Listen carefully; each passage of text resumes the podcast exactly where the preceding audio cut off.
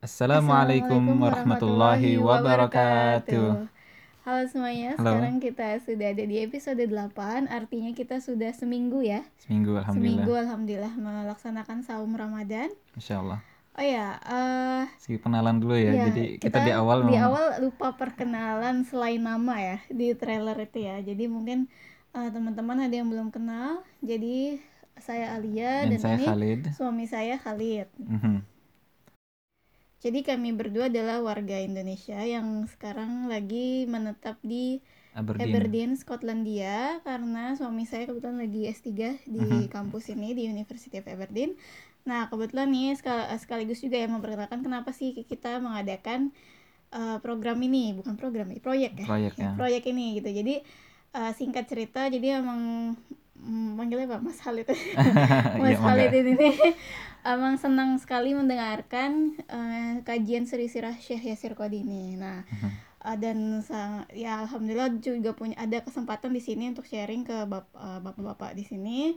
Nah, kemudian ya udah akhirnya keidean ya udah kenapa kita nggak bikin aja di podcast supaya teman-teman yang lain juga bisa mendengarkan karena ketika aku pun diceritakan sama Mas Khalid uh, kisahnya itu aku kayak wah ini uh, bagus banget gitu. Kalau karena mem, apa hikmahnya tuh banyak banget gitu loh pelajaran-pelajaran dan kita tuh jadi bisa lebih mengerti Islam secara luas gitu dengan dan secara lebih terbuka bahwa Islam tuh nggak sempit Islam tuh tidak kaku. Jadi karena banyak banget di yang kita dengar misalnya dari uh, secara umum gitu ya kayak menganggap Islam tuh kaku atau misalnya aturannya gini banget apakah tidak ada uh, misalnya keleluasaan atau kontekstualnya gimana gitu nah ternyata dari surah itu kita bisa belajar banyak tentang itu semua gitu Ya, salah satu ininya kami ingin menunjukkan sifat kemanusiaannya Nabi. iya Ini betul bukan berarti Nabi Muhammad SAW tuh sama kayak kita. Maksudnya kita tuh sama kayak Nabi bukan gitu. Iya. Tapi maksudnya Rasulullah SAW pun juga merasakan kesedihan. Beliau juga merasakan uh, rasa takut, rasa uh, apa yang kita rasakan. Dan itu dengan kita melihat Rasulullah SAW sebagai sosok manusia, kita bisa kemudian uh, lebih berusaha untuk uh, meneladani beliau. Karena kalau misalnya kita ngeliat beliau itu sebagai seorang malaikat, terus uh, Iya. ini ya itu ya sudah ah itu mah seorang nabi kita nggak akan bisa sampai sana dan kita nggak berusaha tapi dengan melihat beliau sebagai sisi seorang manusia Nah, kita bisa kemudian meneladani uh, sirah beliau. Oke, oke, sip. Ya, oke, baiklah. Lang- Sekarang langsung aja kita masuk ke materi di minggu kedua. ke sharing saya, sharing ya, berbagi. Jadi di minggu kedua tentang Isra Mi'raj. Jadi Hmm. pasti udah banyak banget yang tahu Isra Mi'raj dari mungkin pelajaran SD gitu ya, SMP, SMA gitu kan. Banyak banget lah. Nah, cuman kita di sini pengen tahu lebih lanjut lagi beres dari sirahnya. Nah, jadi tadi aku sempat dapat bocoran sedikit dari Mas Khalid. Eh, jadi eh, Isra Mi'raj ini bisa dibilang adalah sebuah keringanan gitu ya atau hiburan lah dari Allah Subhanahu wa taala kepada Nabi Muhammad Shallallahu alaihi wasallam dan umat Islam setelah mengalami tahun duka Mhm. yang ada di episode sebelumnya itu ya. Nah, jadi sebetulnya apa Isra dan Mi'raj itu? Oke, jadi Isra itu secara definisi ya Isra itu adalah uh, perjalanan malam uh, dan Mi'raj itu adalah kenaikan. Jadi Isra itu emang Bang Saru emang sering berjalan tuh malam hari karena siang tuh panas ya. Jadi mereka sering berjalan mari- malam hari. Jadi itu ada istilahnya sendiri. Terus Mi'raj adalah kenaikan. Nah, Kemudian ini adalah eh, salah satu mukjizat terbesar yang diberikan ke Rasulullah SAW dan ini mukjizatnya utama adalah untuk dirinya sendiri, bukan untuk eh, umatnya. Walaupun kita dari kita sebagai umatnya masih me- meng- apa, mendapatkan manfaat dan eh, keajaiban mukjizat itu, tapi utamanya adalah untuk eh, Rasulullah SAW. Dan di sini eh, insiden-insiden ini banyak eh, dikisahkan oleh eh, bukan hanya para ulama ya, tapi juga para eh, pencerita atau eh, ini storytellers kalau bahasa Inggrisnya. Dan banyak dari mereka itu yang suka melebih-lebihkan. Ya. Oke. Jadi banyak yang eh, kemudian eh, menceritakan apa yang sebenarnya tidak ada dalam eh, hadis da- atau buku-buku sirah. Mm. Jadi kita harus hati-hati di sini mana yang eh, sahih dan mananya yang nggak sahih. Kemudian juga eh, secara kronologis itu eh, sulit untuk ditetapkan karena ini ya, hadis-hadis yang datang kita itu cuman sebagian-sebagian dari Mhm. eh, Isra wal Mi'raj. Jadi ini ini ap- apa ini duluan, apakah itu duluan.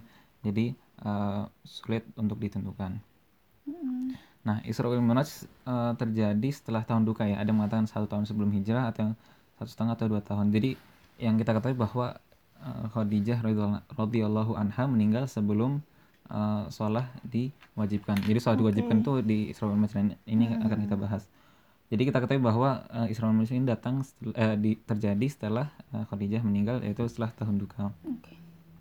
Dan kenyataannya kita nggak tahu sebenarnya ini bulan apa yang terjadi. Kalau di Indonesia kita ada hari perayaan ya. eh, Isra wal Mi'raj Oh, itu iya, ada tanggalnya. ada, ada itu Ra- Rajab kalau nggak salah. Iya, 27 Rajab. Tapi kenyataannya memang kita nggak punya satu eh, apa tanggal yang sahih gitu. Dan para sahabat pun tidak eh, tidak terlalu peduli terhadap tanggalnya. Jadi seha- seharusnya memang kita pun tidak eh, memperingati tanggalnya, tapi menla- mempelajari eh, Oke. mempelajari hikmah-hikmah yang adanya. Oke. Nah kita mulai ya. Eh, nah Isra Mi'raj ini eh, kita coba rangkum sangat singkat ya. Padahal ini sangat panjang. Iya, oke. Nah, jadi pertama Rasulullah SAW itu dibangunkan oleh Jibril eh, di rumahnya, kemudian dibawa ke eh, Hatim atau Hijr Ismail ya, yang bagian setengah lingkaran itu di Ka'bah terus sholat di sana, kemudian dibawa ke eh sebelum dibawa tuh ini eh, Rasulullah SAW dibelah lagi dadanya. Oke. Jadi kita ingat di episode sebelumnya ada insiden di mana Rasulullah SAW dibelah dadanya eh, saat beliau masih eh, anak kecil ya. Terus kemudian di sini dibelah lagi dadanya untuk menyiapkan beliau untuk apa yang akan beliau lihat, yang akan beliau la- alami. Tapi di sini bedanya tidak ada eh, bagian hitam yang dikeluarkan, karena itu sudah dikeluarkan eh, berapa puluh tahun yang sebelumnya. Hmm. Uh, dan ini mungkin sebelum sebelum kita lanjut ini harus dikatakan ini banyak riwayat-riwayat yang uh, diceritakan ya dan ini uh, kemudian kita cuman ambil yang uh, paling kuat atau yang uh, tidak bermasalah gitu. Oke. Eh, bentar, eh, aku mau tanya. Hmm, Jadi Iya. Tadi di belah dadanya sebenarnya untuk eh untuk menyiapkan apa yang akan beliau lihat. Jadi Iya, betul. apa gitu? Gimana itu? Nah, jadi nanti kan uh, uh, Rasulullah SAW akan melihat hal-hal yang dari ini ya alam gaib ya, Ah, yang tidak tidak dilihat sebelumnya oleh manusia. ah, Dan uh, Ibnu Katsir itu mengatakan kalau misalnya ada seorang biasa yang melihat apa yang beliau lihat, ah. melihat apa yang Rasulullah SAW lihat, maka dia akan menjadi gila. Oke, Jadi jadi emang benar-benar dibuka dadanya itu untuk agar ya untuk menyiapkan hati Oke, beliau gitu. Oke, oke, oke. Ngerti? Baik, ngerti? iya. Oke. Oke, jadi setelah itu Rasulullah SAW eh, naik ke naik buruk. Jadi buruk ini adalah eh, binatang ya. Jadi binatang berdarah daging gitu, bukan bukan iya, bukan apa istilahnya Bukan eh, yang mistis Iya, apa. iya, ngerti, Tapi ngerti. memang eh, benar-benar ini ada bukan ya. binatang dari dunia ini. Jadi maksudnya walaupun dia berdarah daging eh, para ulama mengartikan ada yang eh, ada ada ulama yang mengartikan bahwa burak ini adalah eh, binatang yang datang dari eh, dunia lain. Oh, oke. Kemudian eh, burak ini jala, eh, larinya sangat cepat ya. Jadi kayak disebut bahwa loncat, satu loncatannya itu eh, sepanjang apa yang mata kita bisa lihat. Jadi satu loncatan langsung berapa puluh kilometer, terus berapa kilometer, berapa kilometer. Seperti itu. Kemudian eh, sampailah beliau ke Baitul Maqdis dan di sini ada beberapa riwayat di mana Rasulullah SAW sa- berhenti di beberapa tempat ya. Eh, ada di eh, misalnya di kuburannya Musa alaihissalam dan seterusnya. Uh, kemudian nyampe di Baitul Maqdis dan kondisi Baitul Maqdis waktu itu karena itu di bawah ini ya kuasa Romawi yang mereka waktu itu sudah Nasrani, Oke. sudah sudah Kristen. Mereka uh, membuat Baitul Maqdis ini sebagai tempat buang sampah. Oh. Jadi karena uh, mereka ini ya tidak suka sama uh, kaum Yahudi waktu itu, akhirnya mereka jadikan Baitul Maqdis sebagai tempat sampah. Tapi kemudian Allah Subhanahu Wa Taala uh, mengubah Baitul Maqdis untuk Rasulullah SAW agar uh, terlihat seperti uh, kondisi semulanya gitu. Dan kemudian Rasulullah SAW masuk dan uh, salat dua rakaat. Dan kemudian beliau melihat uh, para nabi, para ambia uh, berada uh, bersama beliau di Baitul Maqdis. Jadi ada Musa alaihissalam dan dijelaskan uh, bentuknya seperti apa dan ada juga Isa alaihissalam dan juga ada juga uh, Ibrahim alaihissalam dan Ibrahim alaihissalam itu disebut sebagai yang paling mirip uh, dengan Rasulullah SAW. Jadi katanya itu uh, paling mirip antara mereka berdua. Dan kemudian Rasulullah SAW dijadikan imam uh, untuk untuk mereka dia untuk mereka. Dan disebut bahwa mereka sholat dalam satu barisan. Oke. Jadi tidak berbaris-baris tapi satu barisan. Bayangin uh, disebut bahwa Nabi itu ada 120 ribu orang Iya. dan uh, para Rasul itu ada 300-an orang. Mm-mm. Bayangin 120-an Ribu. ribu, uh, 124 ribu 300 ya, sekitar gitu. Uh, dalam satu baris itu ba- semuanya, bayangin masya Allah. Nah di sini juga ditunjukkan uh, pentingnya sholat. bahwa setelah meninggal pun rasul, uh, para rasul dan para anbiya masih tetap uh, sholat kemudian uh, setelah itu rasul, uh, Rasulullah SAW ditawarkan uh, sama Jibril um, untuk memilih antara susu atau uh, kalau ini bahasa Inggrisnya wine Iya, atau khamar ya bisa dibilang atau Iya, khamar. alkohol. alkohol ya khamar Anggur, atau anggur. ya minuman anggur beralkohol ya Iya. inilah khamar. Uh, kemudian uh, Jibril mengatakan pilihlah dan pilihlah untuk umatmu. Mm-mm. kemudian Rasulullah SAW memilih uh, susu. Nah waktu itu khamar waktu itu belum haram kan ya? Oh, jadi hukumnya hukumnya kan datang di Madinah itu.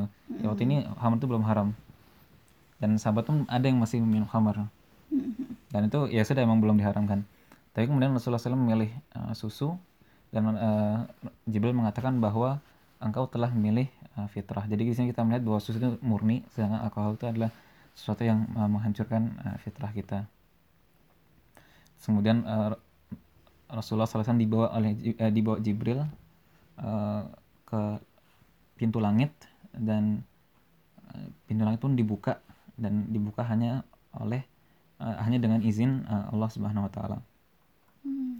Kemudian di langit pertama jadi eh, kita lihat di akidah Islam ya kita meyakini ada Ada istilah, langit. ada istilahnya Ada tujuh, tujuh. tujuh langit betul ada tujuh tingkat langit jadi ini langit tingkat pertama itu apa yang ada dalam observable universe kalau misalnya dibahasa gitu ya jadi apa yang kita lihat sekarang eh, dan beberapa light years away itu semua dalam eh, bawah satu eh, langit pertama Kayak di galaksi-galaksi itu. galaksi eh, ini semua Oke. Bima Sakti itu galaksi yang paling ujung kita lihat itu semua dalam satu Hole. langit pertama iya Hmm.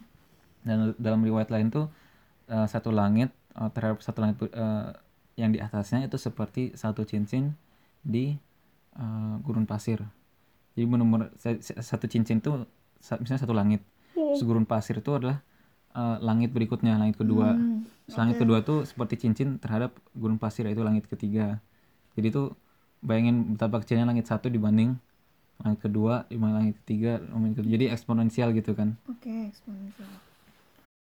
Dan kemudian di langit pertama beliau ketemu dengan Adam dan Jibril mengatakan ucapkanlah salam ke Adam, eh, ucapkanlah salam ke bapakmu eh, Adam alaihissalam. Hmm.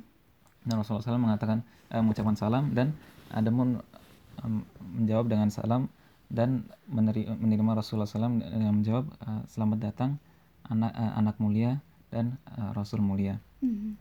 Kemudian di langit kedua eh, bertemu dengan Yahya dan Isa alaihissalam. Hmm. Uh, di sana balik lagi uh, mengucapkan salam terus kemudian Isa alaihissalam dan Yahya alaihi alaihissalam uh, menjawab selamat datang uh, saudara mulia dan uh, rasul mulia terus kemudian uh, di la- langit ketiga Yusuf alaihissalam juga di sana dan di sini uh, Rasulullah SAW mengatakan seakan uh, aku melihat Yusuf dan seakan-akan Yusuf alaihissalam diberikan setengah dari segala keindahan Oh, masya jadi Allah. masya Allah. Ada yang mengartikan segala keindahan yang ada di muka bumi. Ada juga yang mengatakan mengatakan se- setengah keindahan dari keindah setengah keindahannya Rasulullah SAW. Jadi Rasulullah itu gantengnya dua kali lipat Yusuf alaihissalam Oh, gitu Masya maksudnya. Allah. Ada yang mengatakan seperti itu Tadi sebelumnya apa? Sepertiga keindahan seluruh dunia. setengah ya.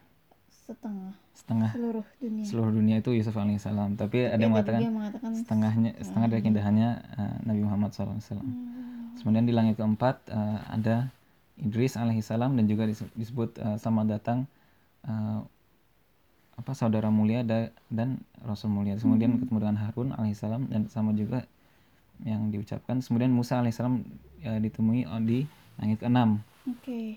Dan, dan di sini Musa alaihissalam tuh menangis uh, melihat Rasulullah SAW dan ditanya kenapa menangis.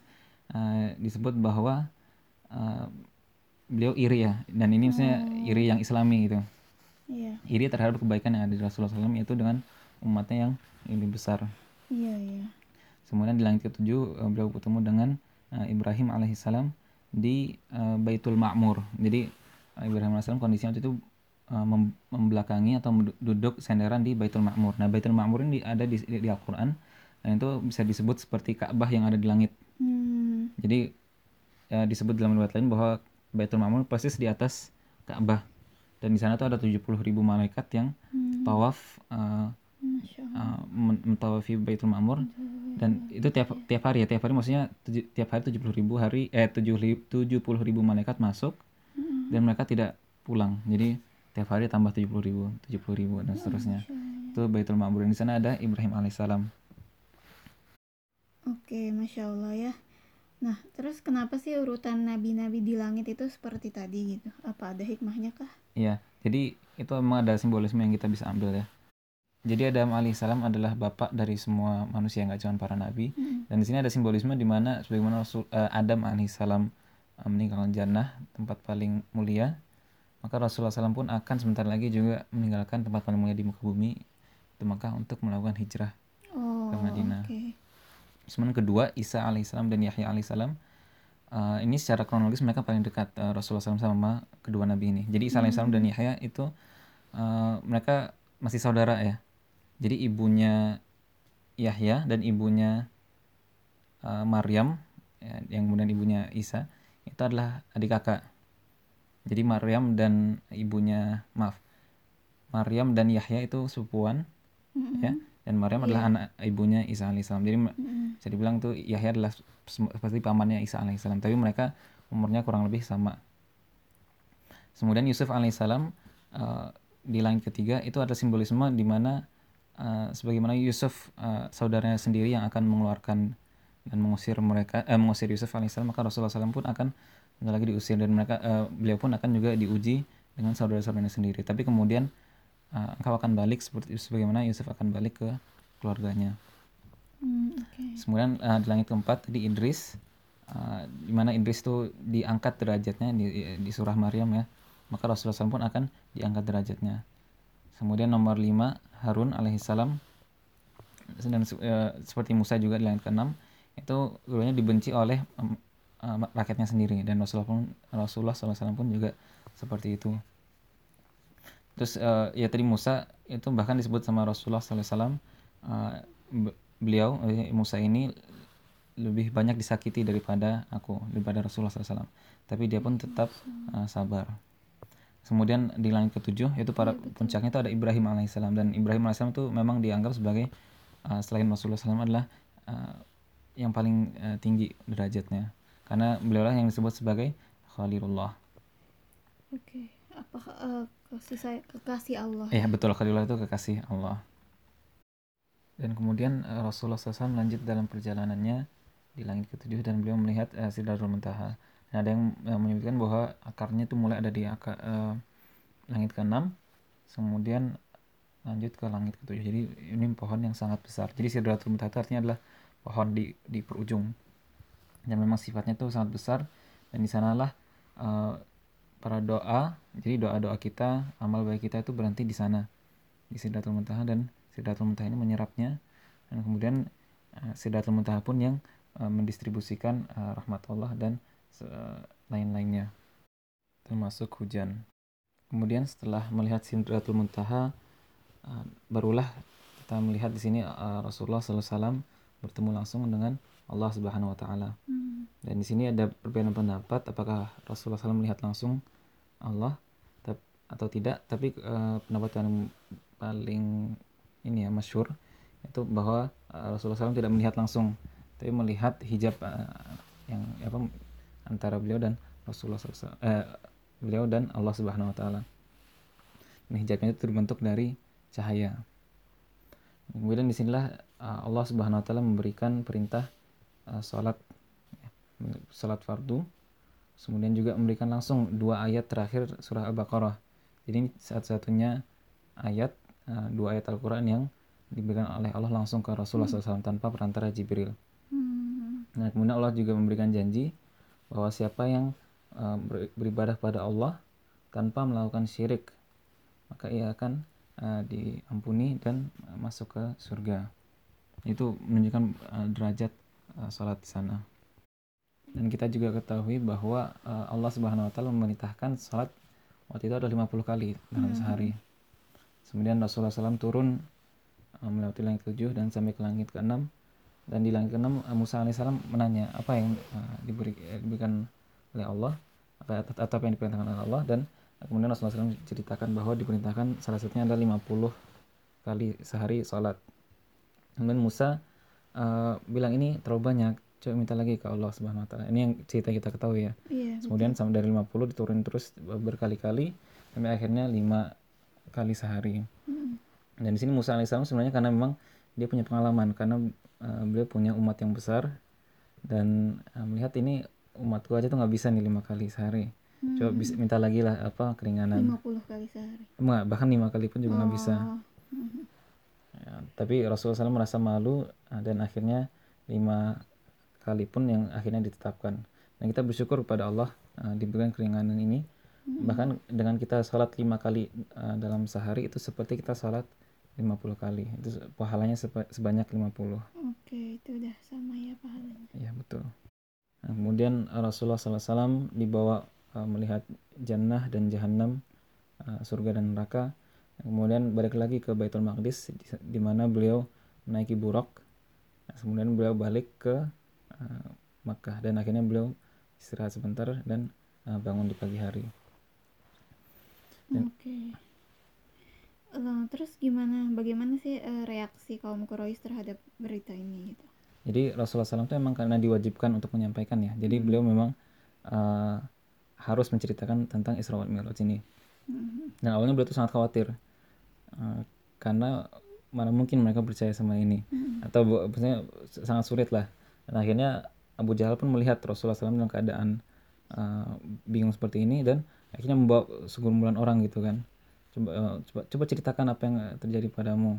Karena Abu Jahal tadi dengar duluan ke eh, dari Rasulullah SAW bahwa beliau da- pergi ke Palestina dan balik dalam satu malam. Dia langsung dikumpulin, eh ben- coba coba dengar eh, apa tadi Muhammad bilang. Rasulullah SAW ceritakan lagi ini. Soalnya orang-orang pada ketawa, orang-orang pada tepuk tangan dan lain-lain. Pokoknya mencemooh gitu kan. Dan akhirnya eh, mereka mulai eh, istilahnya kuis Rasulullah SAW menanyakan Quizzing ya ya. quizzing ya kalau ini seperti apa ini dan awalnya Rasulullah SAW tuh bingung kan karena memang beliau nggak langsung ingat semuanya apa yang beliau lihat di Baitul Maqdis tapi kemudian Allah Subhanahu Wa Taala uh, menampakkan Baitul Maqdis di di ufuk Hmm. Dan itu nampak sangat jelas bagi Rasulullah SAW jadi uh, apa yang ditanya oleh kaum Quraisy itu nampak oleh uh, Rasulullah SAW dan beliau bisa menjawab semua pertanyaan mereka. Dan juga uh, di sini ada beberapa indikasi di mana Rasulullah SAW itu ketika perjalanan pulang beliau ketemu beberapa kabilah dagang ya. Dan kabilah datang dagang itu pun ketemu uh, baru sampai di Mekah di pagi di waktu waktu duha itu kan. Mhm. Dan mereka membenarkan bahwa malam hari kemarin atau malam hari tadi dini hari tadi itu mereka melihat ada se- eh, mereka melihat eh, seorang Rasulullah SAW ini. Jadi mereka pun pada diam. Dan di sini juga eh, di sini kita melihat ada Abu Bakar radhiyallahu anhu yang ditanya apakah kamu masih percaya sama Muhammad setelah mereka setelah mendengar ini? Dan eh, Abu Bakar pun bahkan saya lebih percaya dari yang eh, yang lebih lebih ajaib dari yang ini yaitu dia menerima eh, wahyu dari Allah Subhanahu Wa Taala aku lebih percaya dengan itu dan di sinilah Abu Bakar mendapatkan gelar uh, As-Siddiq Siddiq ya. membenarkan. Iya, alhamdulillah eh, kita udah di ujung cerita tentang Ya, Isra Miraj. ya. Iya, cukup panjang tapi nggak apa-apa nih kita ceritanya memang episode spesial ya tentang Isra Miraj dan juga karena baru selesai minggu pertama. Nah, langsung aja. Jadi ada beberapa hikmah yang bisa kita ambil eh, dari kisah Isra Miraj ini. Yang pertama tadi ini menunjukkan derajat Rasulullah Shallallahu Alaihi Wasallam sekaligus juga menghibur Rasulullah gitu ya Shallallahu Alaihi Wasallam setelah eh, kejadian tahun duka yang kita bahas minggu lalu. Yang, ke- yang kedua itu hadiah. kemarin bukan? Oh kemarin ya Iya. maaf. Enggak. Yang kedua sebagai hadiah atau mukjizat personal. Kenapa dibilang seperti itu? Karena biasanya mukjizat itu kan untuk eh, Menunjukkan ke- umat gitu ya. iya. Nah ini hanya untuk Nabi Muhammad SAW sendiri. Dan yang ketiga itu menunjukkan sisi kemanusiaan Rasulullah Shallallahu Alaihi Wasallam. Karena di cerita ini kita bisa lihat eh, manusiawi banget gitu apa sih si bahagianya sedihnya Nabi sedihnya Nabi b- apa tadi Khawatirnya. khawatirnya ketika mau menceritakan gitu ya Mhm. ke orang-orang itu kan manusiawi banget gitu betapa ya Nabi itu eh, Nabi Shallallahu Alaihi Wasallam itu manusia biasa juga seperti Iya. kita gitu ya Eh, nah yang keempat itu bahwa Rasulullah Shallallahu Sallallahu Alaihi Wasallam. Tidak mendistorsi risalah Islam dengan menyembunyikan cerita Isra Mi'raj ini karena bisa aja kan Nabi ya eh, tidak cerita gitu nggak usah nggak ceritain gitu karena itu meng- hal itu adalah hal yang aneh bagi banyak orang gitu kan tapi Nabi tetap eh, jujur gitu kan tetap menceritakan sesuai eh, perintah Allah gitu ya Mhm. Dan kemudian selanjutnya yang kelima menunjukkan kemurnian jiwa Rasulullah Shallallahu Sallallahu alaihi Alaihi wasallam. Wasallam yang lebih memilih susu di atas anggur tadi itu karena apa susu itu fitrah ya fitrah betul Uh, Nah, kemudian yang terakhir uh, sebenarnya banyak sih tapi kita ambil enam aja. Nah, yang terakhir ini tentang derajat sholat. Jadi menunjukkan bahwa sholat ini satu-satunya perintah yang langsung disampaikan Allah ke Rasulullah Shallallahu Alaihi wasallam. Berarti sholat ini sangat penting gitu ya teman-teman. Jadi mudah-mudahan kita semua dimudahkan untuk uh, menjadi uh, hamba Allah yang senantiasa menegakkan sholat-sholat kita gitu. Amin ya rabbal alamin. Oke. oke Segitu dulu episode 8. Mudah-mudahan bermanfaat. ya Intisarinya jangan lupa nanti di post di Instagram, Instagram. kami. Oke. Terima kasih. assalamualaikum Wassalamualaikum warahmatullahi warahmatullahi wabarakatuh wabarakatuh.